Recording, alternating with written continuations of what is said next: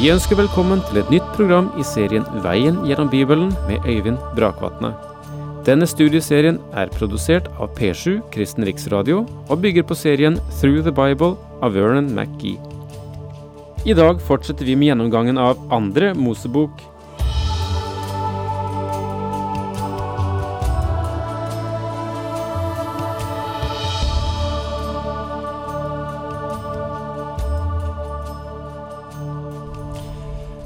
Ja, vi har kommet et godt stykke ut i siste del av annen Mosebok. Og den vesentlige del til nå har vært å gå gjennom eh, oppbyggingen av tabernaklet, og hva dette tilbedelsens sted eh, hva det skulle inneholde. Dette var jo det å si, mobile kapellet som israelittene hadde med seg på sin vandring gjennom ørkenen. Men vi har eh, forsøkt å vise at eh, oppbygningen av tabernaklet har også en symbolverdi som går langt utover de enkelte materialer som ble anvendt i dette byggverket, eh, og at det også henspiller på Kristus, noe andre skrifter også i Skriften peker på. Eh, nå er vi kommet til en annen side av tabernaklet, nemlig ikke til tabernaklet som bygning betraktet, men til de som skulle tjene i tabernaklet. Og sist eh, avsluttet jeg med å si at eh, Aron og hans sønner, de skulle ha spesiell kledsel, og de skulle være satt til side, være hellige for Herren. Legg nå merke til at eh, denne utrustningen som eh, Aron skulle ha på seg, som var overprest eller øverste prest eller ypperste prest, det er flere ord som brukes i denne sammenhengen. Eh, disse Det han skulle ha på seg, det skulle være til å herliggjøre Gud. Og vi har sannelig foran oss, i det som Bibelen beskriver, en meget vakker utrustning. Ting behøver ikke verken å være stygge, sjuskete eller billige fordi de skal brukes i Herrens tjeneste. Jeg motsetter meg sannelig at verden, kjødet og djevelen skal ha monopol på alt som er vakkert. Hvorfor kan ikke vi gi Gud noe av det vakre? Han er den som skapte skjønnheten, om du tror at han knusler med fargene, så titt på en solnedgang eller et høstløv. Se på himmelen en klar solskinnsdag, og betrakt den når stormen nærmer seg. Gud er overdådig i bruk av farger og skjønnhet. Og disse klærne som prestene skulle ha på seg, skulle være vakre og være til ære for Gud. Si til alle som skjønner seg på kunst, alle som jeg har fylt med kunstnerånd, at de skal lage de klær som Aron skal bære når han blir viet til å være prest for meg. Aron skulle altså settes til side for å tjene den store overprest. Legg merke til at Herren kaller på alle dem som skjønner seg på kunst. Alle han har fylt med kunstnerånd. Ja, Gid, vi hadde flere kristne kunstnere i vårt land. Vi må glede oss over enhver som kan uttrykke evighetens budskap gjennom tidens materialer. Aron skulle ha følgende kledning. Disse klærne skal du lage, brystduk, efod, kappe, rutet kjortel, lue og belte. Dette er de hellige klær som de skal lage til din bror Aron og hans sønner, så de kan være prester for meg. Her er altså seks forskjellige enheter som skal brukes i Guds tjeneste. De skal bæres av Aron og av alle dem som skal etterfølge ham i tjenesten. Til det skal du bruke gulltråd, fiolett, purpurrød og karmosinrød ull og fint lingarn. Plaggene som utgjorde presteskrude, skulle lages av det aller beste materialet. Jeg føler det slik at Gud burde ha det aller beste men jeg må også bekjenne at vi må være forsiktige når det gjelder dette temaet. Det er vanskelig å forbinde predikanter som opptrer i siste skrik og kjører kostbare biler, med den nøkternhet overfor materielle ting som må prege oss som troens folk. Det vil være skade for Guds sak om vi som taler Guds ord, mer forbindes med vellevnet enn med nøysomhet. Jeg anklager ingen, men vil gjerne påpeke at materialismens klamme hånd kan legge et grep om Guds tjenere også, like så vel som enhver annen. Må jeg få si at midler som er samlet inn til en tjeneste i Guds rike, må ikke forbrukes unødvendig. Vi må forvalte vel det som er betrodd oss. Også i det som angår midler kommet inn til veien gjennom Bibelen, søker vi å bruke det med den ytterste skjønnsomhet og forsiktighet. Men la oss på den annen side ikke bli smålige i vår givertjeneste for Guds rikes arbeid.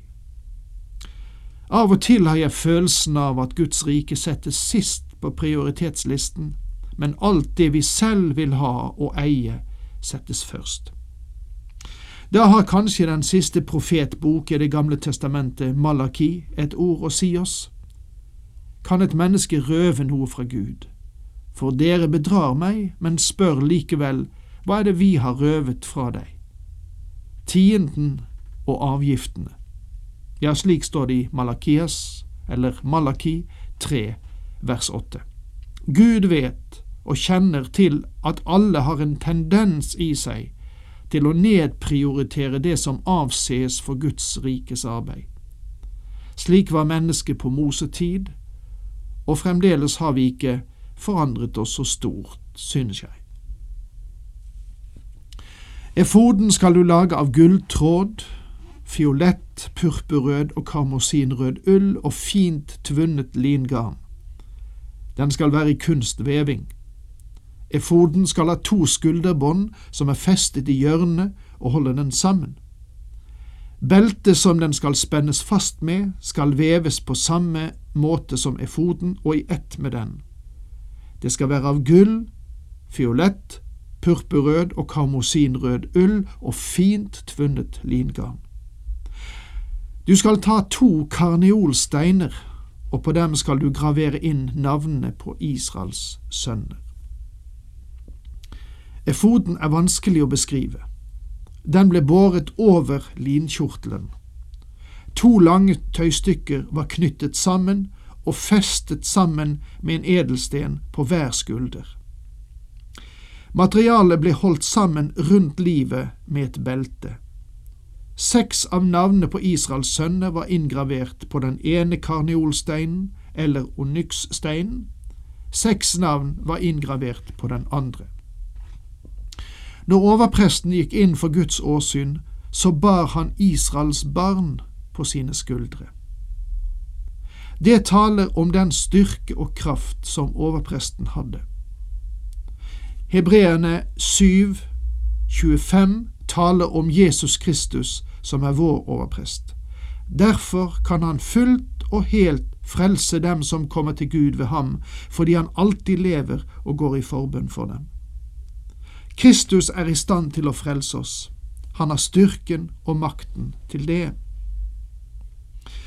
Husker du lignelsen han fortalte om sauen som hadde gått seg bort? Hyrden dro av gårde og fant det, og la det på sin skuldre. Jesus Kristus bærer meg på sine skuldre, og det gjør han med oss alle. Fra tid til annen drar jeg om på egen hånd men han er der straks for å løfte meg tilbake der jeg kan være trygg og sikker, og han kan fortsette å bære meg. Hvilket vakkert bilde egentlig det, denne efoden er og gir oss av Kristus. Du skal lage en brystduk for domsavgjørelser. Den skal være kunstvevning og veves på samme måte som efoden. Du skal lage den av gulltråd, fiolett, purpurrød og karmosinrød ull og fint tvunnet lingarn. Den beste måten å beskrive brystduken på er å kalle den en vest, men en meget vakker sådan, som ble trukket utenpå det øvrige presteskrudet. Det var en brystplate som antydet dom. Ja, hvorfor det, da? Vel, mine venner, den er et bilde på det faktum at synden allerede er dømt. Vi trenger rettferdighetens brystplate i dag som troende. Du ser at brystplaten dekker det svikefulle hjertet i oss. Det er den eneste måte vi kan stå for Guds åsyn på. Det betyr at vår synd er dømt. Kristi rettferdighet er blitt tilregnet oss, så den kalles en brystduk for domsavgjørelser. Brystduken var på en måte en del av efoden. Efoden og brystduken gikk sammen og må ha vært to fantastiske kunststykker. Du skal sette fire rader med steiner i innfatning på den. I den ene raden skal det være en rubin, en topas og en smaragd. I den andre raden en turkis, en safir og en diamant. I den tredje raden en opal, en agat og en ametyst, og i den fjerde raden en krysolitt, en karneol og en jade. De skal settes inn i flettverk av gulltråd. På denne brystduken som overpresten bar, var disse tolv edelsteinene festet i rekker, fire rekker med tre i hver. Steinene skal være tolv i tallet og svare til navnene på Israels sønner, én for hvert navn. På hver stein skal navnet på en av de tolv stammer være inngravert, like som i et signet. Disse steinene finnes også i åpenbaringsboken, der det sies at de dannet fundamentet i det nye Jerusalem. Hver stein hadde forskjellig farge, og sammen utgjorde de en glitrende og skjønn samling.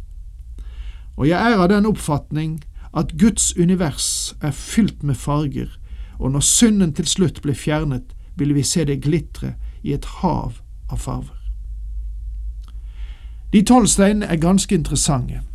Når overpresten gikk inn for Guds åsyn og bar brystduken, så var han et bilde på den Herre Jesus Kristus som sitter ved Guds høyre hånd og går i forbønn for oss. Herren bærer oss ikke bare på sine skuldre, som symboliserer kraft og mulighet, men han bærer oss på sitt bryst. Vi er innrisset i hans hjerte. Han elsker oss. Og hvilket bilde dette er av hans kjærlighet til oss. I brystduken skal du legge urim og tumim. De skal ligge ved Arons hjerte når han trer fram for Herren. Aron skal alltid bære domsavgjørelsen for Israels sønner ved sitt hjerte for Herrens åsyn. Nå vil jeg fortelle dere en liten hemmelighet, og jeg håper du ikke sier det til noen andre. Jeg vet ikke hva urim og tumim er. Vet du det? Jeg har lest mange bøker og artikler angående denne saken, og har oppdaget at ingen andre er sikre på hva urim og tumim var heller. Det interessante er at disse hadde noe med å bestemme Guds vilje å gjøre. Men hvordan, det vet jeg ikke. Noen mennesker tror at Urim og Tumim var terninger, men det er det ikke noe bestemt belegg for. Hva det enn kunne være, så var de bestemmende for hva Guds vilje var. Gud har holdt detaljer om disse to tingene skjult, av en meget forståelig årsak. En eller annen fysak ville sikkert forsøkt å kopiere Urim og Tumim i dag, og påstå at det ville gi oss alle svarene. Vi har en masse mennesker rundt oss i dag også som forsøker å gi oss svarene uten Urim og Tumim. Gud ønsker at vi skal komme til ham for å finne svar. Og dermed så sier vi takk for i dag. Herren med deg.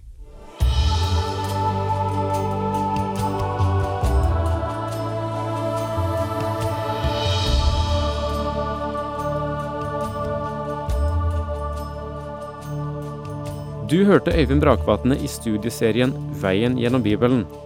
Serien bygger på et manus av Vern McGee.